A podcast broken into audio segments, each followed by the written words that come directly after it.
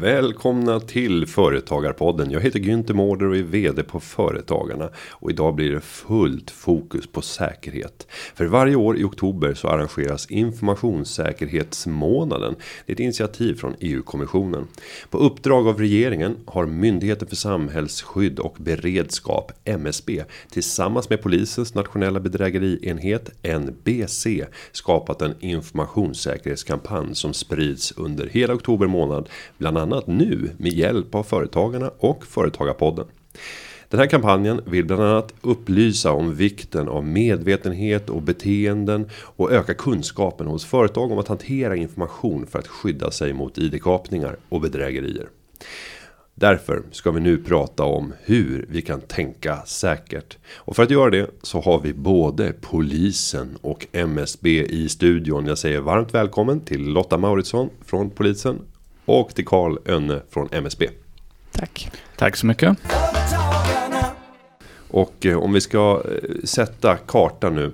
Eh, om vi börjar med polisen och Lotta.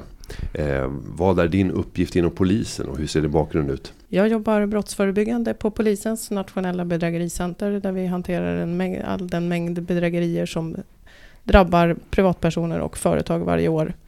Jag har jobbat 25 år med brottsförebyggande arbete och tycker att det här med bedrägerier och numera också, den är ju allt mer IT-relaterad. Det är bland det mest spännande man kan hålla på med. Det är det område som växer kraftigast eh, får jag gissa eller? Till följd av vårt förändrade beteende? Ja, mellan 2017 och 2018 så ökade den här anmälda brottsligheten med 25 procent. Så det kan man verkligen säga. Var sjätte brott är ett bedrägeribrott som anmäls. Mm. Och sen har vi Karl, Myndigheten för samhällsskydd och beredskap. Vad är din funktion och, och vad gör du där? Ja, på MSB så har vi en avdelning som heter avdelningen för cybersäkerhet och säkra kommunikationer och det är där jag sitter. Vi eh, försöker komma ut med råd och stöd och tips och vägledning kring hur man ska arbeta för att få ett bättre cybersäkert samhälle. Med digitaliseringen så krävs det att man har också säkerhetsåtgärder på plats. Och där ser vi vår, eh, eller det är där vi har vår uppgift att eh, komma ut med information till bland annat då företagare, till privatpersoner, eh, men också till större företag och till myndigheter. Och jag tänker för att eh, transportera oss in i det här ämnet. Att vi ska titta på lite färsk data från en undersökning som gjordes i augusti. Så det är en relativt färsk undersökning. Eh, och ta lite data från den och så får vi reflektera lite grann kring eh, resultaten. Eh, vi börjar med att 29% av företagen uppger att de blivit utsatta för någon form av IT-relaterad brottslighet de senaste två åren. Och problemet tycks också vara ökande. Samma siffra i undersökningen som gjordes 2018 var bara 19%. Eh, bland de med över 10 anställda är det nästan 50% som blivit utsatta. Är det här en bild som ni känner igen? Ja, men allt fler företag och privatpersoner drabbas. Mm. Jag kan inte säga någonting om siffrorna som så, men jag vet ju om att digitaliseringen i samhället ökar ju också sårbarheten. Både att det är en ny teknik som kan vara svår att hantera för många personer, men också att eh, det är en, en större exponering av den information som vi har. Och eh, nu står det ju inte i undersökningen vilken typ av brott som har utsatts för, men jag kan mycket väl tänka mig att det kan vara information som kommer på avvägar, eller information som har förstörts, eller information som helt enkelt inte finns tillgänglig längre, den har försvunnit. Och det där är ju en snygg brygga, för det är faktiskt nästa eh, fråga som respondenterna har fått besvara. Eh, de vanligaste formerna av IT-relaterade brott som drabbar företagare är Eh, virus eller skadliga programvaror som 60% anger. Dataintrång 33%. Ransomware 24% och ID-kapningar 14%. Ransomware. Vad är det för någonting då? Ja, ransomware det är en riktigt elak typ utav skadlig programvara. Och det handlar om att man får in en, en bit programvara som krypterar dina filer på, på hårddisken. Och på faktiskt också alla anslutna hårddiskar eller USB-minnen. Och för att kunna låsa upp den här krypterade informationen så behöver man betala en lösensumma till eh, den som... Eh, ja, ofta så kommer det upp en, en, en, adress dit man ska kontakta och sen får man betala en lösensumma. Och den lösensumman betalas oftast i bitcoin eller någon annan typ av kryptovaluta. Och vad gör man om man blir utsatt för en sån här kidnappning av data?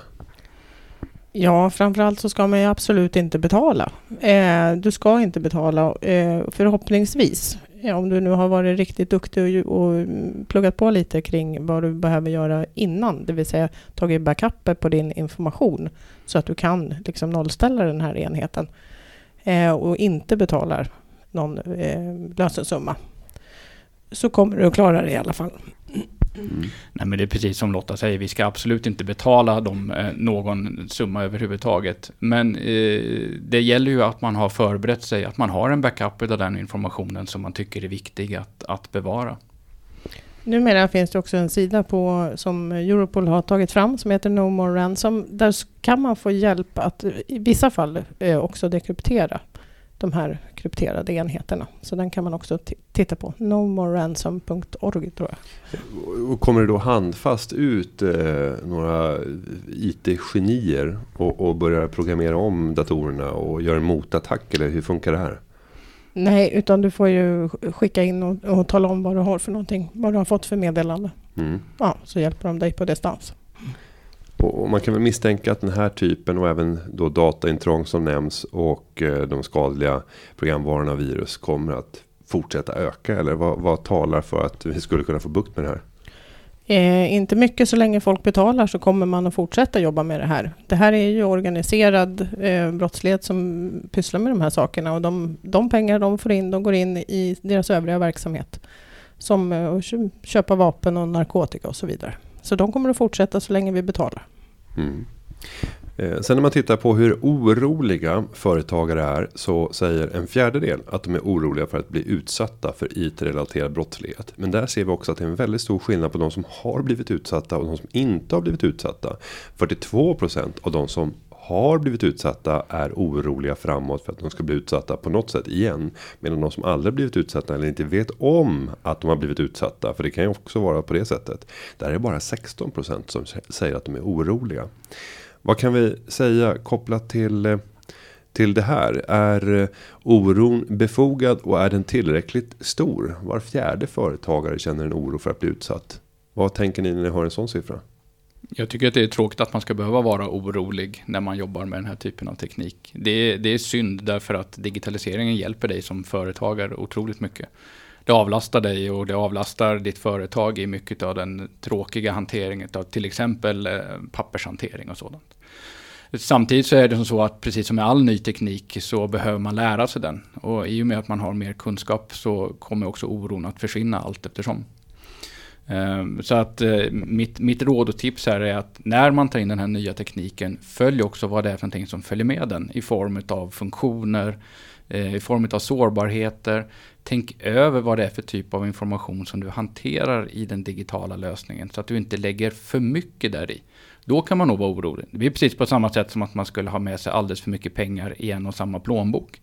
Blir man av med den så är man ju både orolig innan man blir av med den och sen så blir man ju oerhört ledsen när man har blivit av med den. Och det är ju samma sak med information. Försök att eh, fundera på vad är det för typ av information jag lägger i den här tjänsten eller hanterar i det här verktyget. Och utifrån det eh, skaffa dig liksom en lagom nivå av oro så att du inte ligger vaken om nätterna. Mm det är inte så konstigt att vi människor, vi människor hänger liksom inte med i den här utvecklingen. Vår hjärna hänger inte med. Och många kanske känner sig lite dumma när de inte, de har blivit utsatta och då skapar det en oro för att bli utsatt igen, för de inte riktigt kanske greppar det här området ordentligt. Men eh, det är väldigt, väldigt vanligt att man inte gör det. Så ställ frågan, ta hjälp. Men om vi ska vara lite positiva här så är det 75% som inte alls känner någon oro. Eh, tror ni att det är, är befogat för att de känner att eh, de har gjort allting som står i deras makt? Eller vad är er analys av de där tre fjärdedelarna? Ja, jag vet inte om, vi ska vara, om det är positivt eller negativt. Får... Att man, mm. man kanske inte heller riktigt förstår vad det är man gör. Eh, vi, om vi tittar på dagens unga personer till exempel, så de klickar ju och eh, eh, swipar och fixar hur, hur som helst bara, utan att tänka efter överhuvudtaget. Och det kanske inte heller är så jättebra, utan att man behöver ändå eh, använda tekniken med respekt. Dagens unga. Det är alltid de, är det inte så? Nej, absolut inte. Vi, vi, men eh, många kanske är lite försiktigare om man är Mm. äldre.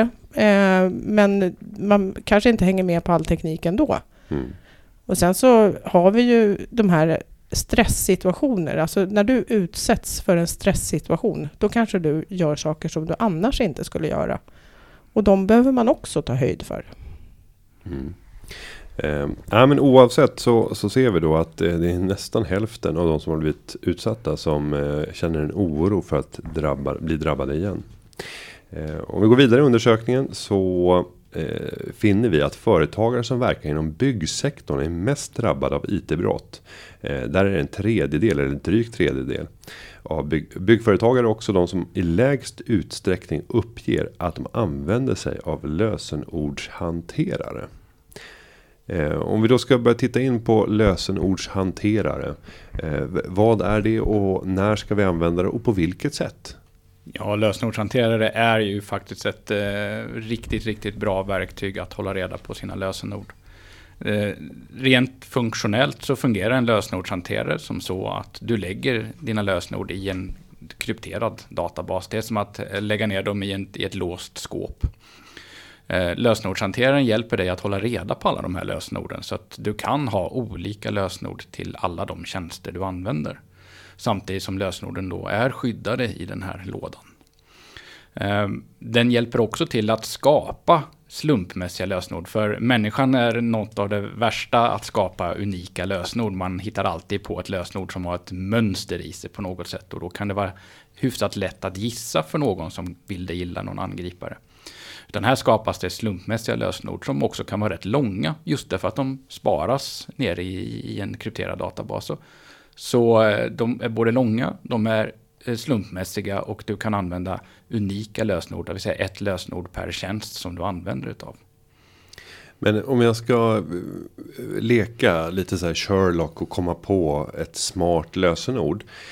Kan ett smart lösenord vara att man bygger in en systematik som gör att man själv kan räkna ut vad lösenordet borde bli. Om jag tar ett exempel. Jag kanske har sju stycken tecken i rad som är väldigt konstig kombination och det är en blandning av stora och små bokstäver och det är något specialtecken i det. Sen så använder jag, låt oss säga, den första bokstaven och den sista bokstaven i tjänsten som jag just nu ska logga in på. Det är begynnelsen i det lösenordet. Eh, varav den första bokstaven är liten och den andra är stor. Sen avslutar jag med det året då jag använder tjänsten. Så i, nu ska det vara 19 plus en siffra som jag kan relatera till. Kanske min bostadsadress. Jag bor på, på 13. Så då ska vi ta 13 plus 19 som avslutande siffror. Det här finns det ju en systematik kring. Och jag kommer då alltid att kunna räkna ut vad mitt lösenord är på den berörda tjänsten. Men är det här för systematiskt så att man utsätter sig för, för risker ändå? Jag skulle säga att ditt lösenord där är nog tämligen säkert. Men samtidigt måste du också tänka efter hur många siffror behöver du, eh, och tecken behöver du skriva in nu på den lilla skärmen på din telefon. Mm. Eh, I en lösenordshanterare så ofta så kan du klicka dig in och sen så kopiera lösenordet därifrån, ifrån lösenordshanteraren. Kopiera in det i tjänsten så slipper du skriva ner alla de här tecken. Med eh, risk då för att du stavar fel och, och blir eh, lite upprörd över att du stavar fel ytterligare en gång. Och eh, sen börjar bli riktigt förbannad när du stavar fel en tredje gång därför att du har missat stor eller liten bokstav. Så på så sätt så tror jag att en lösenordshanterare är mer effektiv i, i ditt arbete. Men det är klart att eh, om du själv eh, är duktig på att hantera lösenord, att eh, ha unika lösenord på olika tjänster, framförallt de som är viktiga konton för dig. Ha unika och starka lösenord som du ändå verkar ha. Så då är det liksom good enough, tycker jag. Mm. Lösenordshanterare är ju oftast eh, antingen är de gratis eh, eller också finns de för en väldigt, väldigt liten penning per år att, att använda sig utav. Eh, och de är fullgoda i sin, eh, i sin funktion. Så att eh, jag, jag råder att använda lösenordshanterare men ditt sätt att räkna ut lösenord verkar ju ändå väldigt bra. Och nu ska jag upplysa alla lyssnare om att det är alltså inte på det här sättet som jag konstruerar mina lösenord så att ni inte går ut och, och, och chansar. Eh, men då, då kommer jag till våra handhållna enheter. För att om vi tittar på, på många telefoner idag så är det ju fingeravtrycksläsare. Och är det en, en säker metod att använda och på många tjänster som jag använder på min mobil så säger den automatiskt att här kan du använda din, eh, ditt fingeravtryck istället. Eh, som login och så får jag välja om jag ska acceptera det eller inte. Är det här en bra idé att, att använda det här och hur, är det säkert? Det är troligen tillräckligt säkert, men sen måste du fundera på kan du använda den i alla situationer? Eh, det kan ju vara så att du har smutsiga händer eller att du arbetar med handskar på dig och då funkar ju inte den här funktionen. Mm. Eh, jag har läst om också att det finns vissa utav de här lösningarna som är sårbara. Man har sett att man har lagrat för mycket information och att informationen även har lagrats centralt och inte bara lokalt på, på din telefon. Vilket innebär att ditt fingeravtryck kan ligga som ett, som ett avtryck på en databas någonstans där du inte har kontroll över det längre. Och till skillnad från lösenord så är fingeravtryck svåra att byta. Eh, så att har du blivit av med ditt fingeravtryck så är det svårt att kunna göra någonting åt det. Sen ska vi säga att den risken är i och för sig väldigt, väldigt liten. Men jag vet att den finns. Men vi ska inte förstora den. Ja, så jag skulle vilja säga att vi använder fingeravtrycket med eh, försiktighet. Där, där det inte, kanske inte är så jätteviktigt, där kan du använda fingeravtrycket. Annars så ska du använda ett unikt och starkt lösenord. Nästa sak som har blivit stor det är den här biometriska igenkänningen med ansiktet som bas. Eh, och, och, där har jag faktiskt själv lyckats hacka det här genom att använda en affisch med mitt eget ansikte. Eh, och det har lyckats ta mig in med hjälp av det. Samtidigt så kände jag en viss oro över den här, jag vet inte om ni kommer ihåg den, 10 year challenge. När man skulle lägga upp en bild på sig själv idag och sen en bild på hur man såg ut för 10 år sedan. Eh, för då börjar jag ju tänka konspiratoriskt. När miljontals människor världen över gjorde det här utan att veta vem är det som är avsändare av den här kampanjen. Alla samlar under en och samma hashtag 10 year challenge. Då innebär ju det att de kan ju sitta och räkna ut hur människor sannolikt kommer att se ut om tio år. Om man bara sitter med tillräckligt mycket biometrisk data för att se hur ansikten förändras. Det innebär ju hypotetiskt att de skulle kunna veta mitt lösenord om tio år. För de vet hur jag ser ut. Är jag, är jag konspiratorisk i onödan?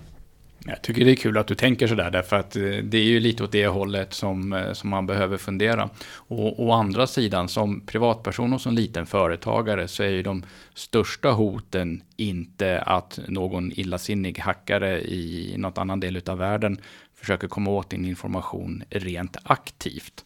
Det är väldigt få, tror jag, som till exempel sitter i, i, i Asien och vill ha reda på din bokföring. Utan snarare är det att eh, din, din information eh, i största eh, fall är, riskerar att förstöras därför att eh, din hårddisk kanske kraschar. Eller blir oåtkomligt därför att du har glömt ditt lösenord.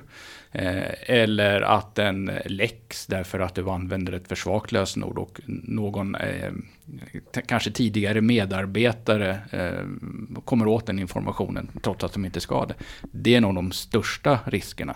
Sen de här riskerna som du säger om att man kan ta reda på ditt ansikte om tio år. De finns, men frågan är om det är de man behöver ta höjd för som företagare eller privatperson just idag. Mm.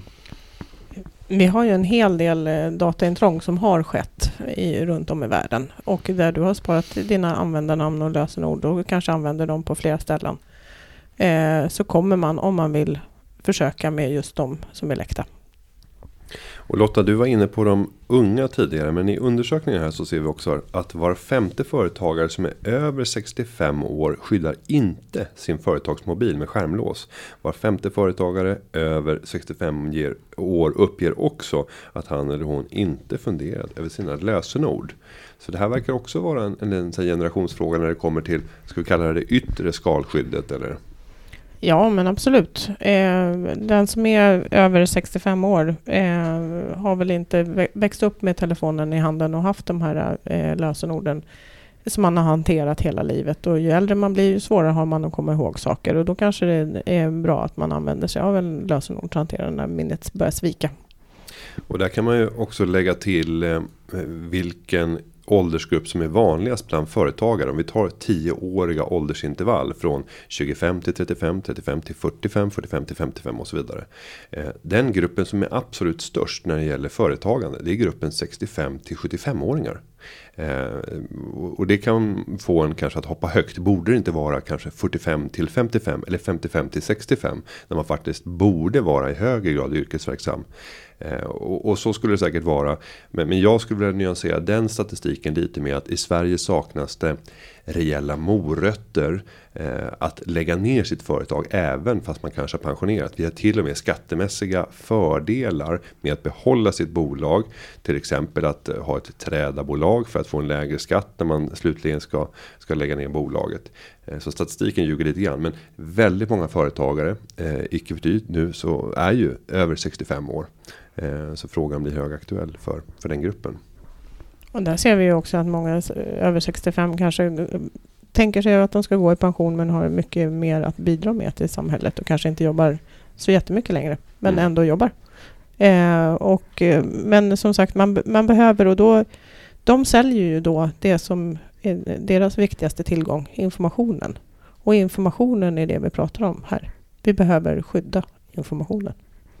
Men om vi går och tittar på de vanligaste, om vi tar bedrägeribrott som sker mot företagare. Eh, om vi ska måla upp någon typ av karaktäristisk bild av vem förövaren är. Vilka är det som är där ute? Det är lätt att tänka den här mörka luvan, mörka rummet. De sitter med ett gäng med joltkola och, och eh, skriver med, och det är grön text på skärmen. Jag tänker nästan så Matrix-aktigt. men det, men det, det, är säkert inte så. Ja, alltså det, det finns allt ifrån eh, de som agerar lite mer i mindre skala, eh, som eh, har kommit på något sätt att eh, finansiera någon, någon, annan del av sitt liv, eh, till att vi har de här eh, stora callcenter som sitter och jobbar mot både privatpersoner och företag i hela världen. Eh, och då har vi en enorm organisation, men de finns också. Mm. Sen har vi ju några av de här eh, lite lättare eh, och, och, och, mindre beskedliga eller mer beskedliga brotten men som eh, ändå irriterar. Eh, förra veckan så fick jag tre samtal från ett tunisiskt nummer som då vill jag att jag reflexmässigt ska ringa tillbaka för att jag ska tänka att det är någon i min familj eller någon vän som behöver min hjälp. Men de lägger på luren på direkten och så att det bara står missat samtal. Så får jag betala jättemycket pengar om jag ringer det här numret som någon typ av betalnummer. Eh, det här är något som jag upplever personligen har ökat drastiskt. Ja, det här har ju gått i vågor. För eh, ett par år sedan var det väl nästan eh, hela tiden. Här har ju telekombranschen jobbat ganska effektivt mot det här att de försöker stänga ner vart efter det kommer nya. Men vi upplever en liten våg av det igen nu. och det som ringer upp är ju inte, det är inte en människa utan det är en robot som ringer upp dig. Och så ska du ringa tillbaka för en dyr peng. Mm. Ja, eh, gå inte på sådana där enkla eh, men ack så, så jobbiga eh, problem. Om vi nu går till den vanliga företagaren och ska göra någon typ av trappa där man kan engagera sig på olika sätt för att skapa sig en ökad säkerhet och ett förbättrat skydd. Eh, ni har redan varit inne på det med lösenord, men om vi bara ska tömma ut det här första trappsteget, vilket jag misstänker handlar om just lösenord. Eh, vad bör vi säga som uppmaning till Sveriges alla företagare? Ja, lösenordet har vi ju pratat om nu och det ska vara starkt, det ska vara långt och det ska vara unikt för den tjänsten du använder. Sen så ska du göra en backup av den information du har på eh, företagets dator eh, eller på företagets mobil eh, och använda den backupen så som ett, ett skydd. Att du kan, du kan läsa tillbaka informationen från backupen om någonting skulle hända. Och backupen, den enklaste är ju att du skriver ner det på ett större USB-minne eller en extern hårddisk och sen låser in den hårddisken. Antingen om du har ett säkerhetsskåp eller att du låser in den i byrålådan eller någonting så att den inte bara står framme. Och så gör du det här regelbundet. Så regelbundet som du känner att, att du inte blir orolig för att informationen försvinner. Ehm, de två sakerna lätt underlättar väldigt mycket på det absolut lägsta trappsteget. Mm, och nu, nu tog du upp eh, backup i form av att vi använder någon typ av extern enhet. Eh, men det vanligaste nu är att man får erbjudanden om olika typer av molnbaserade tjänster. Eh, och att eh, egentligen spara allt. Om man ser hur Microsoft jobbar idag så har ju de en vilja att vi egentligen inte ska ha sparat någonting lokalt överhuvudtaget. Utan i deras tjänster och många andra leverantörers så vill man skicka upp allt i molnet. Hur tänker vi kring det här? Jag tror att det är, är en väldigt bra tjänst för, för företagare och privatpersoner. Eh, I de fallen man känner sig bekväm att göra det. Det finns ju företagare som hanterar väldigt känslig information. Det kan vara sådan information som är eh, forskning och utvecklingsdata. Den informationen kanske man inte ska spara någon annanstans utan den behöver du skydda själv. Och det är för att undvika risken för företagsspionage så mycket som möjligt. Men för den vanliga företagaren som har en bokföring och som har lite bilder och ett kundregister och sådant och inte har någon speciellt känslig information. Då är molntjänster också en väldigt bra, eh, bra tillägg till det här med att kunna göra en backup. Men jag skulle fortfarande inte säga att man ska alltid lägga allt där. Därför att det kan vara som så att du inte når tjänsten. Det kan bero på att eh, din internetanslutning har gått ner för tillfället. En grävmaskin har dragit av kabeln eller någonting annat har hänt. Och just där, just då behöver du komma åt backupen. Och då är det bra att ha den lokalt i byrålådan eller i säkerhetsskåpet eh, hemma. Då tänker jag att vi tar oss vidare då från det här grundläggande trappsteget när vi har avhandlat det, det viktigaste när det kommer till, till lösenord och grundläggande backup. Och tar oss upp en, ett trappsteg till. Var, var befinner vi oss då?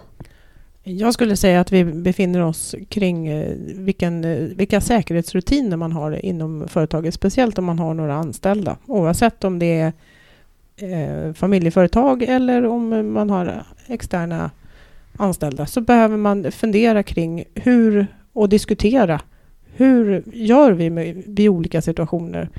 Vad händer om vi får ett, ett mejl, som ett vd-bedrägeri-mejl till exempel, att någon säger, säger ut, utger sig för att vara Günther och skickar det till ekonomiavdelningen och säger att en stor utbetalning ska ske. Hur agerar vi då? Hur agerar vi när vi, ser, när vi har, får främmande e-post och så vidare?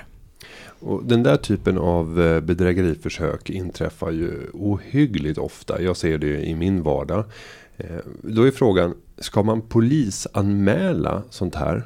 Eller inte. För jag tänker mig att ni har viktigare saker på polisen att göra än att ta emot. Och, och om man då inte har gått på det. Men det är ju ett bedrägeriförsök. Absolut, det, det, du har blivit utsatt för ett bedrägeriförsök och det är ju ett brott i sig också. Eh, vi kommer att ta in det där. Vi uppmanar ju alla att, att trots, trots det polisanmäla om man har eh, orken att göra det. För det är mm. lite krångligt idag fortfarande. Men eh, samtidigt så är det så att det, det som inte polisanmäls, det har inte hänt. Nej. Varken för oss på polisen eller för våra beslutsfattare. Det finns inte. Men skulle man kunna tänka sig något sån här förenklat förfarande för polisanmälan? Eller är det jag som tänker att det alltid ska föregås av ett eh, samtal och inrapportering? Kan man bara skicka ett mail till info.polisen. Har blivit utsatt för bedrägeriförsök. Se bifogat mejl. Eh, I de bästa världar så skulle jag önska att jag kunde säga ja på den frågan. Tyvärr inte, inte än. Men eh, alltså, vi har ju en registrator som tar in alla dokument som kommer in. Men eh, en polisanmälan ska, av det här slaget ska eh, kontakta 114 14 i, dag, i dagsläget. Men eh, naturligtvis så jobbar även polisen med digital utveckling. Vi är snart där kanske. Mm. Ja, för jag, jag, jag skulle tycka nästan att det blir en, en skymf mot polisen att, att, ringa och ta tid i anspråk i det här läget. Eh, för en sån här anmälan tar väl kanske i genomsnitt, vad kan jag tänka, 8-10 minuter ändå att hantera. Eh, men eh, ja, vi, vi och eh, lyssnarna hör vad, vad polisen säger. Karl?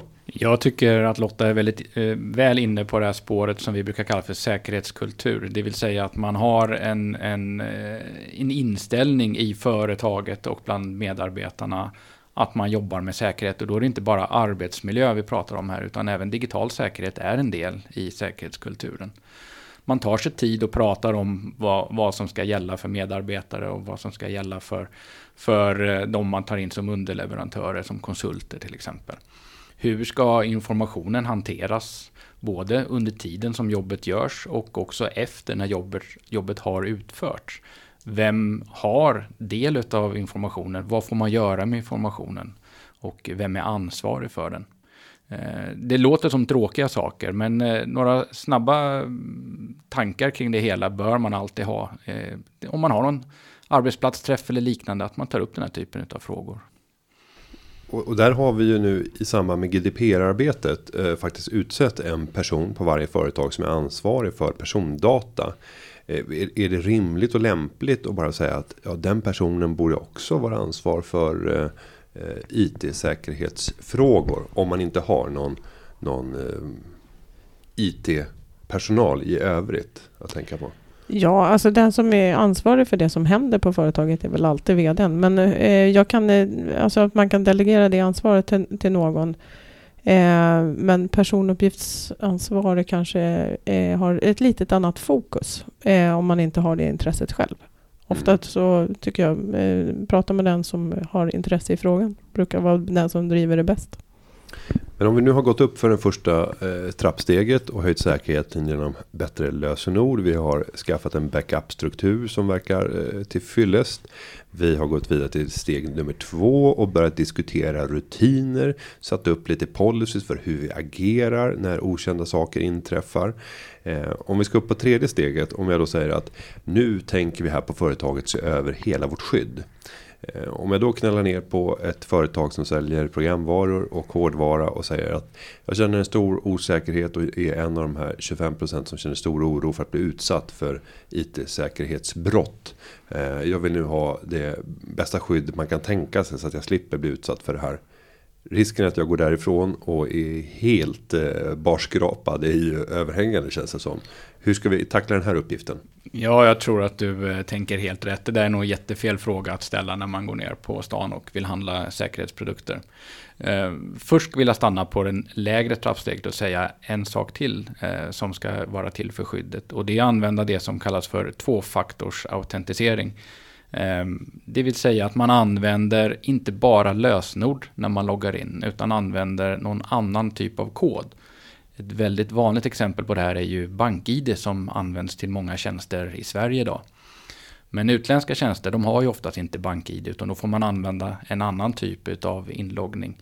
Jag vet att eh, Google och Microsoft de har ju den här typen av tjänster som man kan aktivera på, eh, på de här platserna. Det vill säga att man loggar in med användarnamn, lösenord och sen så en eh, engångskod som man får på en liten app i telefonen. Eh, det är en väldigt, väldigt, väldigt bra försäkring för att inte bli av med sitt lösenord. Eh, har man blivit av med sitt lösenord så är det ju så att angriparen måste ha tag på appen också. Och det är ju väldigt ovanligt att man blir av med både lösenordet och telefonen till exempel samtidigt. Så att eh, det är, förutom säkerhetskultur, så är tvåfaktorsautentisering en oerhört viktig grej att använda sig av. Men om vi då går tillbaka till det här högre trappsteget och ska börja köpa oss nya skyddsprodukter för att undvika IT-brott. Hur ska vi tänka i den här upphandlingssituationen som vi befinner oss i? Ja, i, i dagsläget när du köper eh, produkter, oavsett om det är en eh, dator eller om det är en eh, telefon eller om det är så att du köper en trådlös accesspunkt som du sätter upp för att kunna ha eh, wifi i, i kontorslokalen eller i, i fabrikslokalen så finns det där redan väldigt mycket säkerhetsåtgärder på plats. De kanske bara inte är aktiverade från början men de finns där redan. Så oftast behöver man inte köpa till sig så mycket mera eh, säkerhetsprodukter. Utan man använder det som redan finns implementerat, som redan finns, som du har köpt, som du har betalat en gång för. Tar du en mobiltelefon till exempel, då har du ju saker som att du kan kryptera innehållet i den. Du går in i inställningar och inne någonstans där i menyn så finns det att du kan kryptera innehållet. Eh, och sen så aktiverar du också skärmlåset. Och eh, med det så har du skyddat dig för att informationen där inte kan komma orätta händer om du tappar telefonen. Därför att kan man inte skärmlåset eh, så kommer man inte åt informationen för den ligger krypterad. Det enda du blir av med det är ju din telefon och det är ju kostsamt som så men, men det är inte värre än så. På datorn så eh, kan du aktivera att du, eh, att du har antivirus på gång, eller igång. Och det är ju för att eh, Microsoft redan från början nu har ett antivirusverktyg som följer med. Du behöver alltså inte köpa en tredjeparts antivirusverktyg. Sen är det som så att tredjeparts antivirus kan ge extra tjänster som du kanske behöver, men då behöver du noga se över vad det är för tjänster du behöver. Och i din accesspunkt, i din trådlösa accesspunkt för att skapa det trådlösa nätverket, sätt på kryptering på den eh, högsta nivån och det brukar kallas för WPA2. Det är en så här konstig förkortning. Det står eh, i alla fall på att det är hög kryptering och det kräver att du har ett lösenord för att logga in på det nätverket. Det vill säga att ingen utifrån kan logga in på det nätverket om de inte har lösenordet. Ehm, mycket av det här gör ju att du får en, en hög skydd redan från början utan att behöva lägga ut mycket mer pengar på det. Ja, och, eh, så, så svaret där är kanske att vi, vi ska inte gå in och ställa den frågan eh, för att riskera att bli, bli skinnade. Men då, då funderar jag. Finns det någon, något test man kan göra? Jag sitter och tänker på när man själv känner sig orolig över att eh, ens bredbandsuppkoppling inte är tillräckligt snabb. Då kan jag gå in på tjänster och faktiskt pinga och söka. Bredbandskollen är ju en sån. För att se hur snabbt mitt internet är. Finns det några motsvarande tjänster där man faktiskt kan söka eh, och göra test för vilket skydd din dator har och kunna få på någon nivå och visa att den är grönt, gult eller rött eller jag känner inte till någon sån tjänst och det beror nog på att det här är så pass komplext område. Det finns många olika typer av datorer, så många olika typer av operativsystem. Samma sak när det gäller telefoner och samma sak när det gäller trådlösa accesspunkter eller den typen av lösningar. Så att det finns inte ett och samma test för allt det här. Och det är väl kanske det som gör att det blir komplicerat. Det finns inte ett svar man kan ge på det här, utan man behöver gå in på varje enhet och göra de här inställningarna. Och man behöver själv veta vad det är för inställningar man gör. Och ja, det är en komplexitet och det är inte roligt att det är så, men tyvärr mm. är vi där just nu. Men där vet jag att det är många företagare som nu sitter och lyssnar och de sitter med egna idéer kring vad ska jag göra härnäst. Kanske är det här det företaget du ska starta som skapar en tjänst där du oberoende av vilken enhet du jobbar med. Om det är en bärbar dator eller om det är en mobil eller en, en iPad eller liknande kan gå in för att snabbt få en respons kring vilka typer av säkerhetsbrister kan föreligga med sen föreslagna åtgärder. Eh, ska man bygga trovärdighet i en sån här affärsidé så tror jag att man inte ska börja blanda ihop det med att ha omedelbara erbjudanden från olika aktörer som då plötsligt kommer att finansiera varje sån här sökning som man gör så att det är olika typer av antivirusleverantörer som som ser ut att ha köpt tjänsten utan att den är oberoende. Eh, eller så kanske det borde vara någonting som offentligheten borde erbjuda. Borde polisen, MSB ha någon sån här tjänst? Karl skakar på huvudet. Vi ska höra vad Lotta säger. Jag tror att det eh, inte riktigt eh, rimmar med det offentligas uppdrag riktigt här, utan vi ska ju försöka se till att skydda samhället, absolut. Eh, men här, jag tror att de privata aktörerna är de som är bäst på att om det går att ta fram en sån här tjänst så kommer de att hitta den. Det tror jag.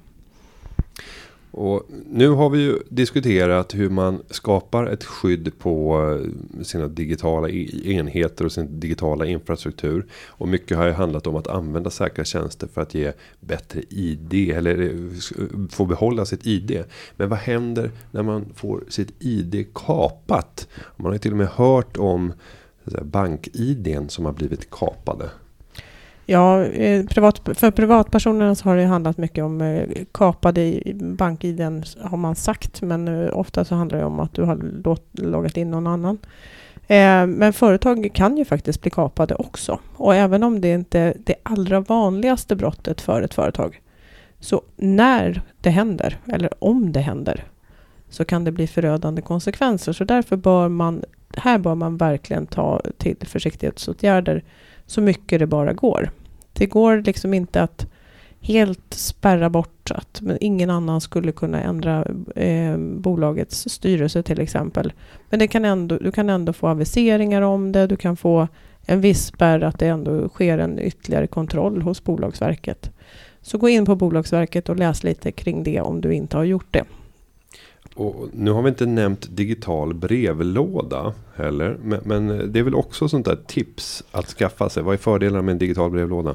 Ja, digital brevlåda, det går ju så mycket fortare. Att du får ett, en avisering om att någonting har förändrats, till exempel på, från Bolagsverket eller från Skatteverket. Eh, så att en digital brevlåda är absolut att rekommendera, speciellt för företagare.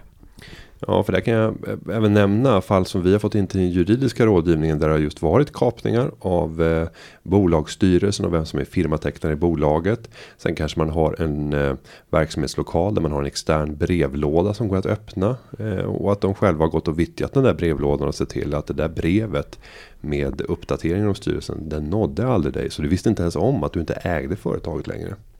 Min, min kollega Jan Olsson han brukar dra en eh, väldigt eh, snabb eh, företagsskapning där man på 20 minuter tömde alla företagets tillgångar.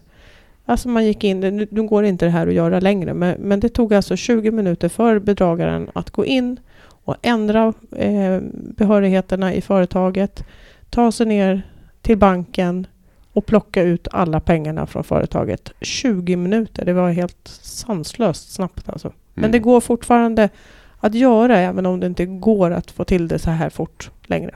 Mm. Karl, du viftade lite tidigare i, i, eh, i, en fråga. Jag misstänkte att det rörde någonting som du ville addera, men som kanske inte rörde precis det här. Ja, nej, men när det gäller eh, ID-kapning så har det kanske inte en exakt koppling till det. Men det handlar ju om eh, din, eh, din närvaro på telefonen och på din dator. Det har ju också ett sätt i att du exponerar ditt ID väldigt mycket mer.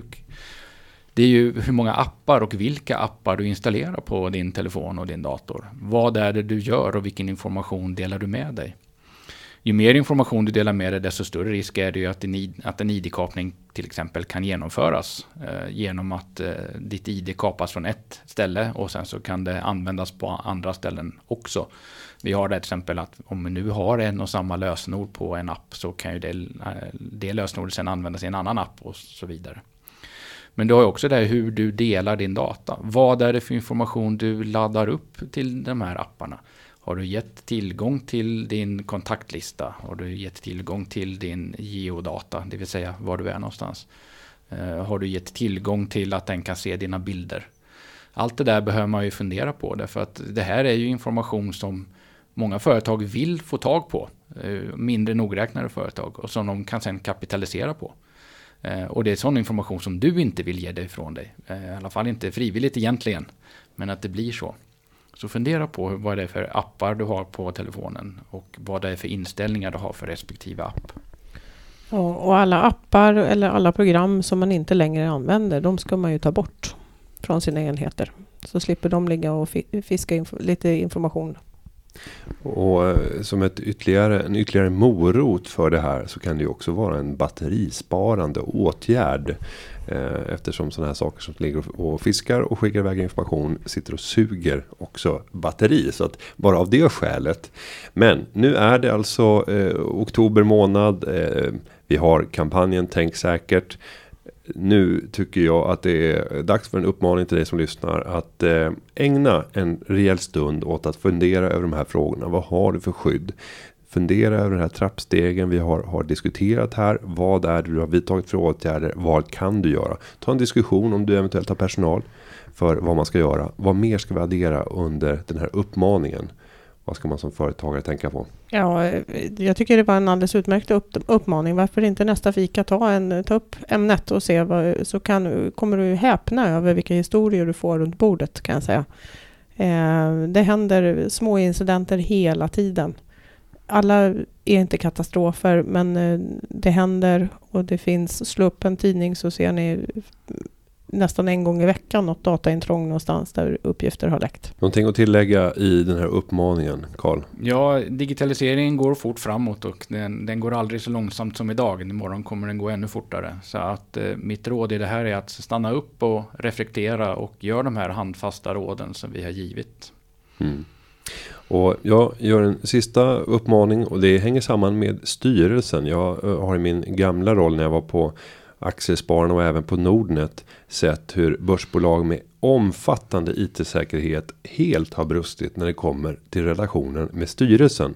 Eh, där man plötsligt stod beredd att skicka ut underlag till styrelsen till den Gmail eller andra öppna e-postfunktionen som styrelseledamoten krävde att få materialet skickat till. Eh, för att det var smidigast för den. Eh, och där kan du bara i en sån enskild punkt brista fullständigt säkerhetsmässigt. Så titta på alla intressenter som du interagerar med. Både inom organisationen men också med leverantörer. Eh, för att se hur hanterar ni den här datan. Med det här så fortsätter vi att gå ut och kämpar för säkerheten. Det är eh, ytterligare någon, några veckor kvar på Tänk säkert och förhoppningsvis så kan det här leda till lite lägre brottslighet när det kommer till IT-brott riktade mot företag. Eh, jag ska nämna att det här underlaget som vi har utgått ifrån under sändningen har förberetts av Pontus Lindström som är ansvarig för just brott och säkerhetsfrågor här på Företagarna. Och klippningen den är gjord av Petra Tube. Vi hörs igen nästa vecka. Ha det så gott och tack Karl och Lotta för att ni kom till studion. Tack så mycket. Tack så mycket. Företagarna. Ja, ja, ja, ja, ja, ja. Företagarna. yeah, yeah, yeah, yeah, yeah.